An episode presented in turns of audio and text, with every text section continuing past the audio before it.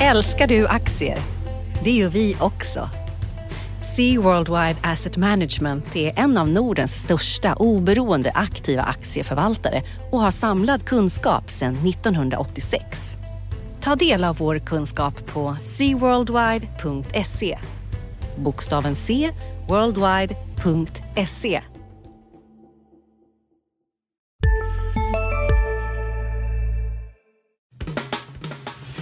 Analyspodden från Dagens Industri.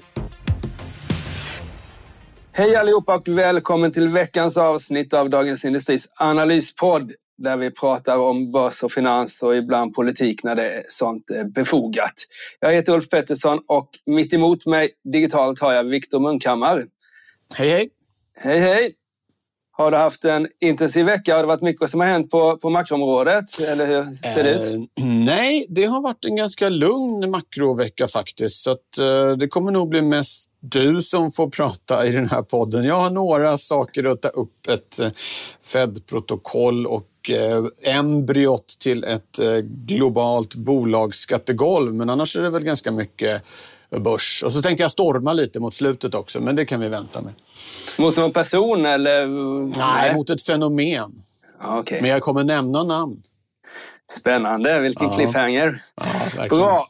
Och jag håller ju på med börsen dagarna i ända och eh, så det kan jag väl prata om. Det har ju varit en varannan börsvecka här faktiskt. Vi eh, ner idag fredag. Eh, vi var uppe i torsdags och ner i onsdags och upp i tisdags och ner i måndags och upp förra fredagen. Så det är liksom zigzagsbörsen är det just nu. Det kan vi Är prata det, om är det också. då typiskt för en konsolideringsfas och sånt där begrepp man hör ibland, eller? Ja, Ja, alltså i, i teknisk bemärkelse, aktieteknisk bemärkelse, så skulle man egentligen vilja ha lite lugnare rörelse och sen vänta på en, ett utbrott åt det ena hållet. Men jag tycker även, även den här senaste månadens rörelse där vi haft så att säga eh, en sidledes börs men med stora rörelser kring den här sidledeslinjen är ett tecken på att, eh, på att marknaden är lite obalans och att antingen vänta ett nytt ett nytt uppställ eller så ska vi ner en bit här. Och maj brukar ju vara en sån där eh, brytningstid på börsen. Eh, sell in May and stay away brukar det heta. Så det kan mycket väl hända här även om det inte är så många dagar kvar av maj månad. Men ska vi börja med Fed-protokollet och vad Powell och hans eh, vänner hittade på? Ja, där? Sven, ja, precis. Nej, men det, bakgrunden är ju då som eh, de flesta vet att eh, den amerikanska ekonomin går som tåget. Ett tecken på att inflationen börjar dra iväg. Den här aprilsiffran hade ju Fed inte klart för sig då när de hade det här mötet som protokollet gällde. Men den, det visade ju på den högsta kärninflationen sedan 95 faktiskt.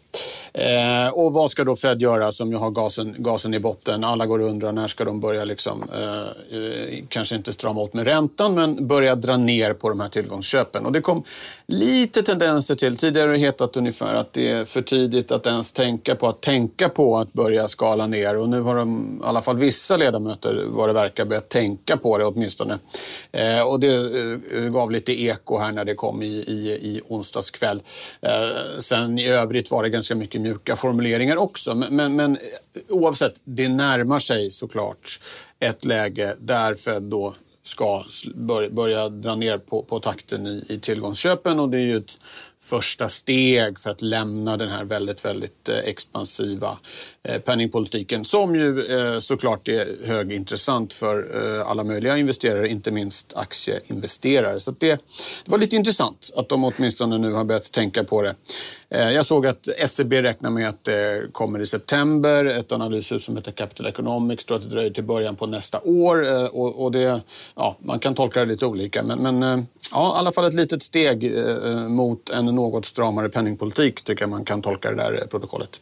Just det. Och du pratar om att det gav ett litet eko då på, på räntemarknaden och det gjorde det även på börsmarknaden. Men det där ekot dog ju ganska snabbt här. För eh, tittar jag på tioårsräntan nu så är den nere på 1,62 den amerikanska tioårsräntan och den var väl uppe på nästan 1,70 som högst där efter, efter att de hade släppt sitt protokoll. Så det, så har det ju varit med flera datapunkter här. Exempelvis fick vi ju sysselsättningsrapporten för april som var klart sämre än väntat. Snabb initial reaktion och sen tillbaka. Det var likadant med det här inflationsutfallet för april som ju då var överraskande högt. Alla var inställda på ett högt utfall men det blev ännu högre. En liten studs och så tillbaka.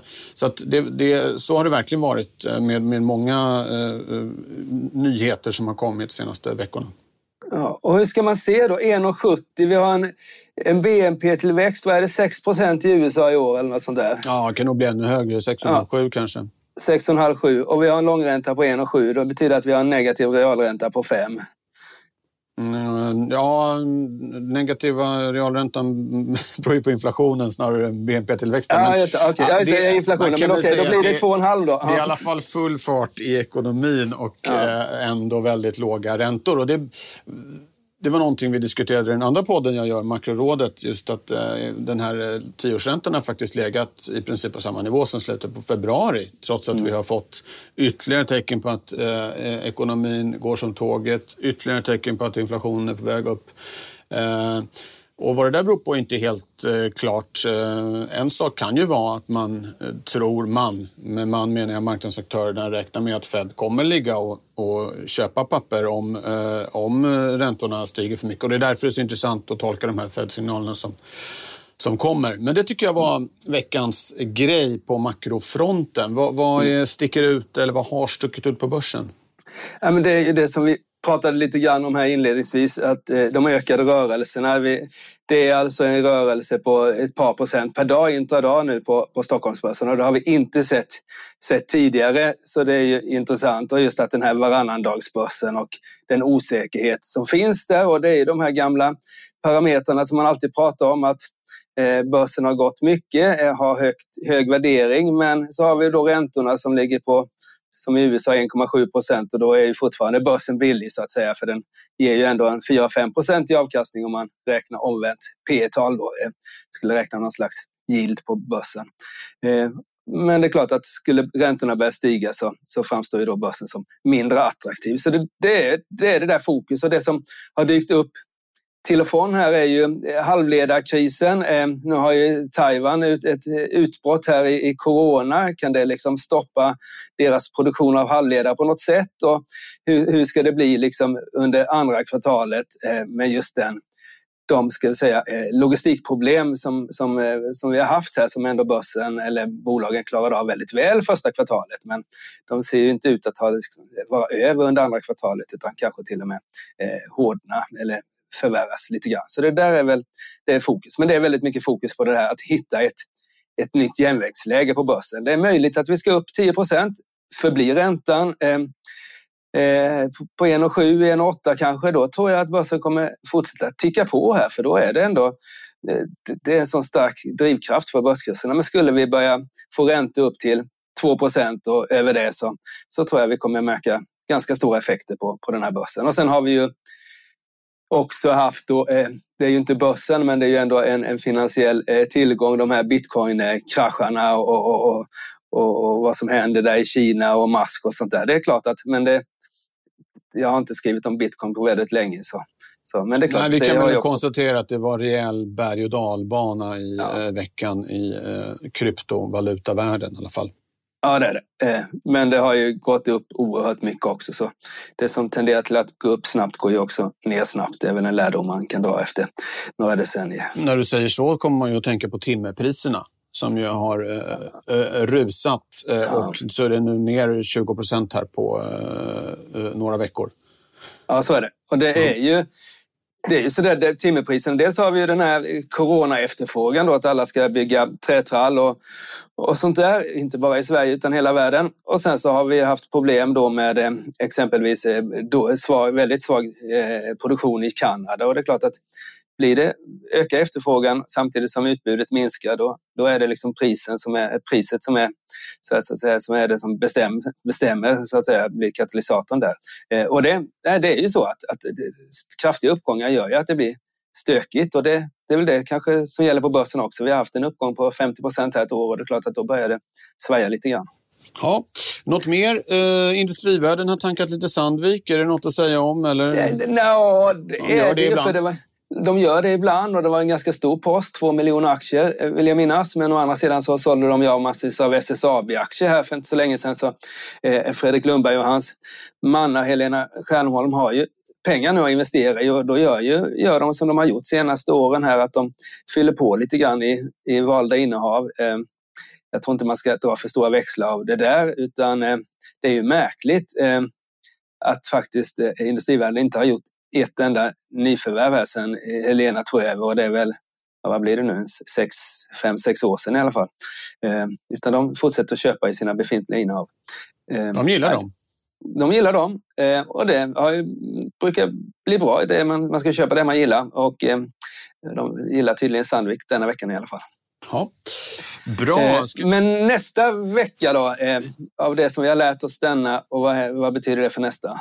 Ja, ska jag storma lite först kanske? Jag lovar ja, gör det. Gör ja, det. Storma ja, först. Då, då, ska jag säga en sak bara. Det, det, det, det, var det här med ett eventuellt globalt skattegolv eh, som har varit på tapeten ett tag. Det drivs ju från, från USA ehm, och där eh, kom det ett nytt förslag här i, i, igår, torsdags, eh, om att ett sånt skulle vara 15 procent, alltså bolagsskatten i världen som ska vara någon slags bottenplatta förhandlas av OECD och, och, och verkar ha bemötts ganska ganska eh, positivt. Så det är möjligt att det kommer bli ett, eh, ett sånt. Eh, och det kan ju vara intressant för framtiden ehm, eh, att det de facto etablerar sig ett sådant golv. Och då kan, i och med att USA är, är där, eh, så kan det ju vara så att det har en starkt normerande effekt. För eh, alla är ju beroende av att kunna använda dollar och, och då blir det, kan det bli knivigt för olika typer av skatteparadis då eh, om USA bestämmer sig för att eh, på något sätt försvåra deras möjligheter att, att agera i dollar om de inte förhåller sig till det här. Så det skulle nog mycket väl kunna bli så att vi kommer få ett, ett slags, en bottenplatta platta för, för bolagsskatter och att den skulle kunna vara kanske runt 15 procent. Mm. Och det där är ju faktiskt, har ju lite bäring på det som jag håller på med då. Det finns ju faktiskt en del bolag, bolag fortfarande som finns i Malta. Eh, eh med väldigt låg skatt här. Eh, eh, Evolution Gaming, nu, en del spelbolag har väl plockat hem, men Evolution Gaming, den här kursraketen, tror jag, de betalar inte några 15 procent på sin, på sin vinst. Så det där skulle ju då kunna betyda en del för deras eh, vinst efter skatt så att säga. Eh, så det är en intressant diskussion att följa. Eh. Ja, det är väl inget som händer över natten, men det, med, med små steg eh, framåt i de där diskussionerna verkar det vara, verkar det vara i alla fall. Eh, ja, men stormandet då? Jo, jag lyssnade på Finanspolitiska rådet i måndag som eh, ju utvärderar finanspolitiken. De kom med sin rapport och de pratade då om att något de saknade var att det inte fanns någon plan för återgång till överskott i, i statsfinanserna och de pratade om hur viktigt det är att vi kommer tillbaka dit och att den här krisen har, har visat behovet av att ha stort eh, finanspolitiskt utrymme. Samma tongångar kunde man läsa om i en antologi som ESO, eh, expertgruppen för studier i offentlig ekonomi, detta sexiga namn. Sista dagarna nu på vårens stora season sale. Passa på att göra sommarfint hemma, både inne och ute. Och fynda till fantastiska priser. Måndagen den 6 maj avslutar vi med Kvällsöppet i 21. Välkommen till Mio. CSRD, ännu en förkortning som väcker känslor hos företagare. Men lugn, våra rådgivare här på PWC har koll på det som din verksamhet berörs av. Från hållbarhetslösningar och nya regelverk till affärsutveckling och ansvarsfulla AI-strategier. Välkommen till PWC. Eh, där ekonomerna Lars Jonung och Fredrik Enge Andersson eh, skrev och propagerade för att det här skuldankaret vi har på 35 procent i Sverige eh, om något borde sänkas till 25 procent. De har gjort någon slags kalkyl på historiska kriser, hur mycket statsskulden som andel av BNP tenderar att växa då och hur mycket utrymme man behöver upp till nivåer som de bedömer som, som, som kritiska. Eh, även DNs ledarsida har skrivit om det här nu i, i veckan. Och den grejen jag saknar i den här eh, diskussionen det är klassiskt, liksom, kanske nationalekonomins eh, viktigaste bidrag till mänskligheten. Nämligen hela tanken om att det finns en alternativkostnad.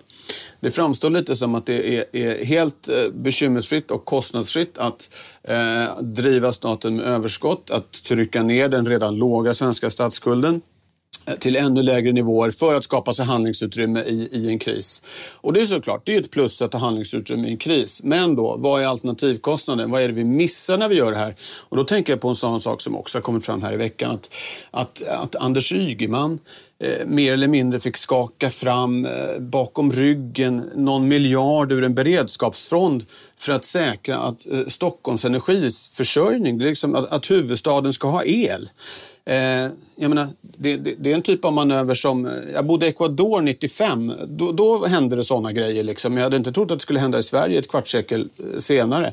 Eh, vi vet att vi har ett eh, eh, infrastruktur, vägar som långsamt blir lite sämre. Eh, vad är kostnaden för det? Apropå elen så eh, vet vi redan exempel på företag som har valt att inte etablera sig därför att de inte har kunnat vara säkra på att få, få tillgång till el. Vi har hundratusentals människor i landet som inte har någon grundskoleutbildning och inte pratar svenska. Vad är kostnaden för att låta det fortsätta på, på, på det viset? Eh, det är möjligt att eh, det överväger att ha det här utrymmet finanspolitiskt att använda i kriser, att, att fördelarna så att säga är större än nackdelarna. Men det verkar alltså inte som det finns en diskussion kring liksom vad, vad, vad, vad, vad det är man går miste om eh, när man driver den eh, politiken. Ja, det här har Men, gått och ja. grott lite i mig. Men är det inte lite, ska vi säga, eh, lättvindig där, Viktor, eh, att eh, liksom i detta läge när ska man verkligen gasa på då? Liksom? Vi har ju gasat på så mycket. Eh, ska vi fortsätta gasa på? Bör liksom inte... Det finns ju, det är inte så många år sedan vi hade helt andra räntor. Då är det en helt annan kostnad för de investeringar som du så att säga förfäktar nu då. Ja, det kan man tycka. Det här skulle inte vara någon allmän efterfrågestimulans. Det här, de tre sakerna jag tog upp här, det är sådana saker som gör att ekonomin får en större produktionskapacitet på sikt. Så jag vet inte riktigt om jag skulle beskriva det som att gasa på. Det handlar om att eh, rusta ekonomin för framtiden. Man skulle kunna säga nästan tvärtom. Att det är en typ av investeringar som minskar risken för att det ska uppstå överhettning. Att vi har en större arbetskraft som är så pass utbildad att den kan ta de jobb som, som eh, eh, dyker upp. Att vi har en eh, eh kapacitet i elnätet, att företag kan etablera sig utan att det uppstår olika typer av flaskhalsar och kanske prisrusningar på på el. Så det handlar inte om att kasta ut liksom, eh, bidragscheckar till alla eh, hushåll för att höja den allmänna efterfrågan, utan det är mer att, eh, att inte göra de här sakerna, det finns säkert fler också, har också ett pris. Och den, det priset bör vägas mot fördelarna för att ha ett stort eh, handlingsutrymme i, i statsfinanserna. Och som sagt, jag vet inte vad man kommer fram till när man gör den jämförelsen. Men jag tycker det är nästan som att vi inte ens gör jämförelsen. Och då tycker du att eh, eh alltså, stat, statens staten går med överskott och då tycker du att man ska spendera Nej, Nu gör ni ju inte det. Det har ni ju verkligen inte gjort. Nej, men eh, man räknar med att de ska göra det eh, efter pandemin. Ja, det ska ju vara då enligt ramverket 0,33 procent av BNP över en konjunkturcykel. Ja, det är ja. principen så att säga. Och, och de 0,33 tycker du är, för då, då fastnar pengarna eh, overksamma i, i staten istället för att komma ut och, och så att säga gör, göra nytta. Det är så du ser på det? Jag tycker att det finns eh, att, att, att infrastrukturministern Eh, behöver mygelnalla mer eller mindre ur en beredskapsfond för att säkra huvudstadens elförsörjning.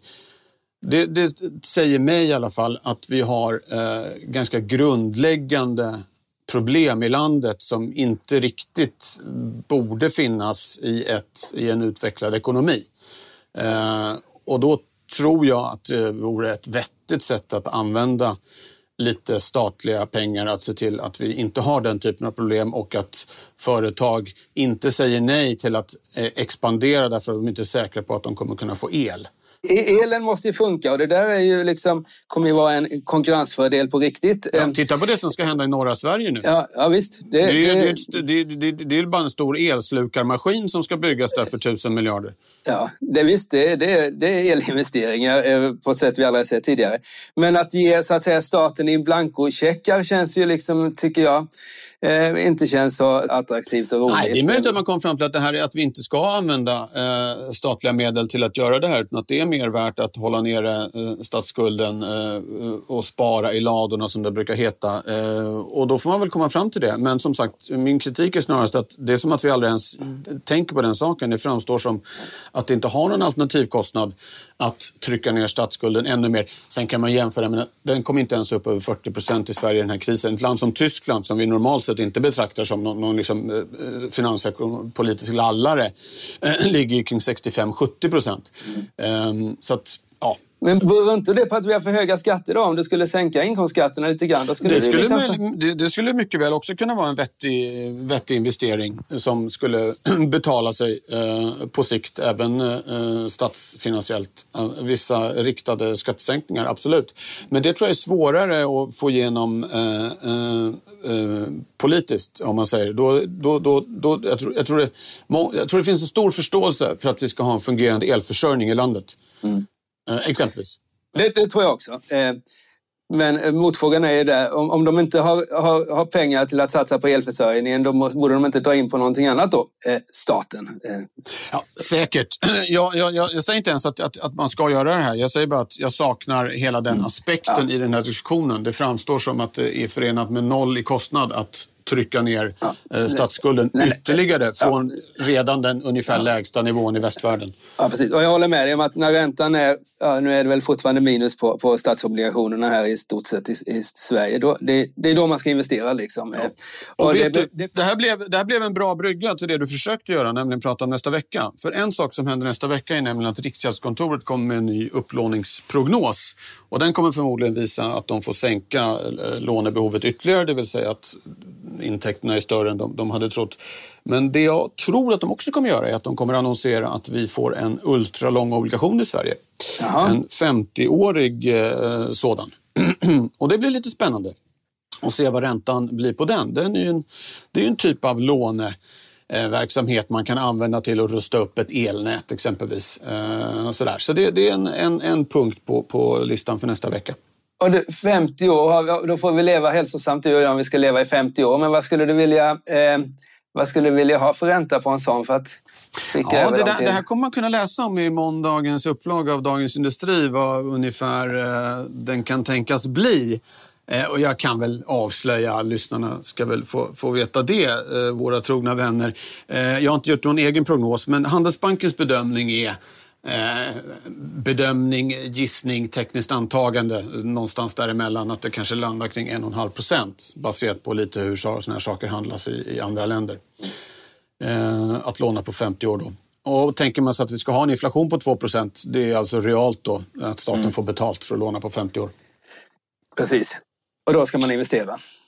Kan man tycka. Åtminstone mm. fundera över vad, man kan få ut av att investera kontra vad, man, vad det är värt att eh, ha en väldigt, väldigt god marginal ifall det kommer ytterligare en, en kris, tycker jag.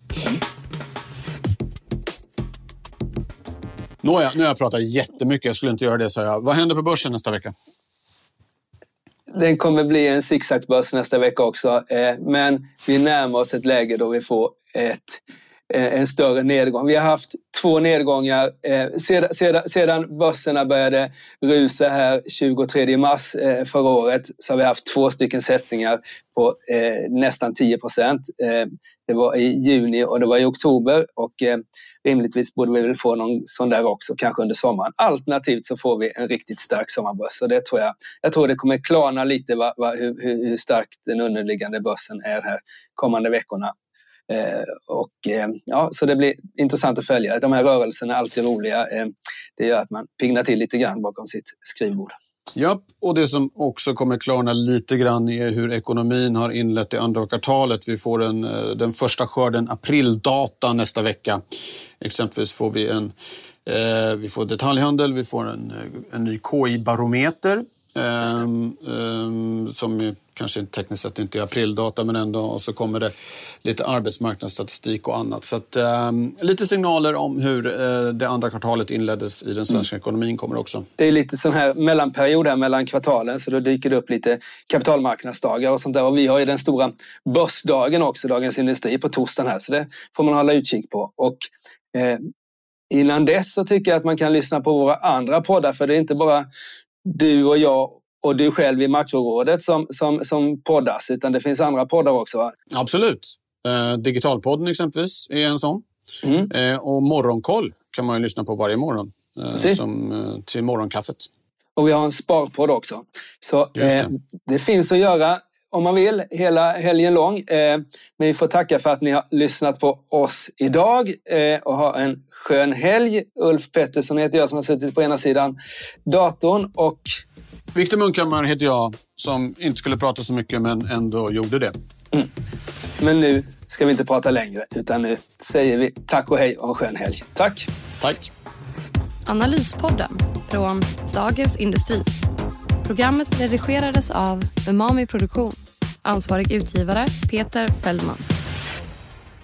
I DITVs program Hållbart näringsliv fokuserar vi på företagens E, S och G. Vilka är utmaningarna och vilka är lösningarna?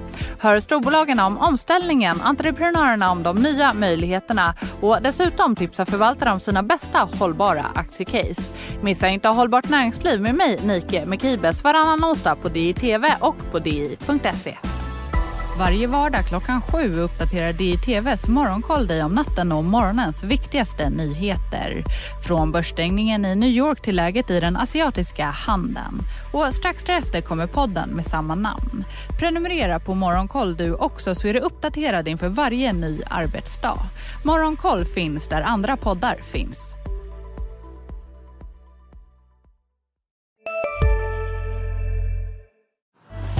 Älskar du aktier? Det gör vi också. Sea Worldwide Asset Management är en av Nordens största oberoende aktiva aktieförvaltare och har samlad kunskap sedan 1986. Ta del av vår kunskap på seaworldwide.se. Bokstaven C, worldwide.se